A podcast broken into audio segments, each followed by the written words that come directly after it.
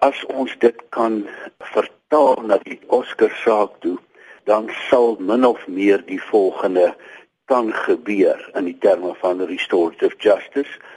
Hy sal byvoorbeeld 'n baie groot bedrag moet betaal aan Refa se ouers omdat hulle eh, van haar afhanklik was finansiëel. En dan oor die slagoffers, die agtergeblewenes word vergoed. Hy sal byvoorbeeld dan onder huisarrest geplaas word en dan byvoorbeeld en dit is sommer 'n baie impulsiewe gedagte en dan sal daar van hom verwag word om sê nou maar elke oggend van die week dat hy sal moet gaan afrigting bied aan 'n persone en veral miskien kinders met liggaamlike gebreke. Dis 'n baie eenvoudige konsep wat ek nou skets. Wat is u mening dan oor tronkstraf?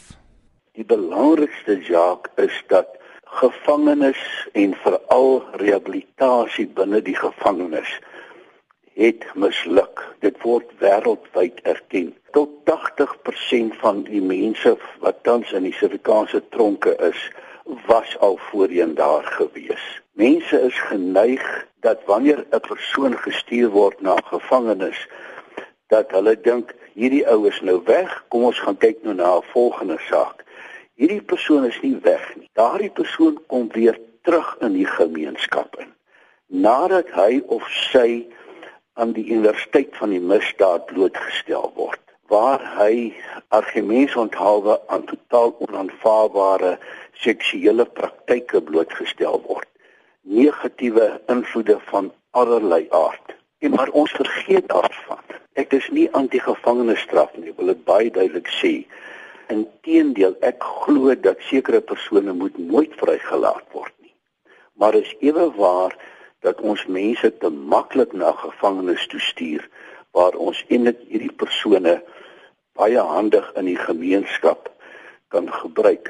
Ons moet ook onthou dat 'n gevangene kos ons tot 3 keer meer per jaar as die gemiddelde Suid-Afrikaner se salaris.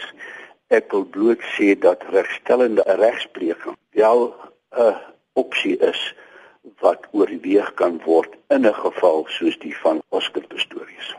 Professor, watse reaksie verwag u van die publiek af oor hierdie voorstel?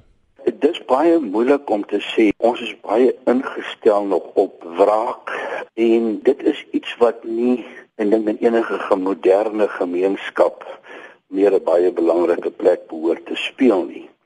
Vergelding is daar, dit word ook erken, maar ons moet ook realisties wees. As ons gaan prakties dink, dan vra ons die vraag, wil ons werklik iemand na 'n plek toe stuur sodat daai persoon gewoonlik slegter daar uitkom as wat hy ingegaan het?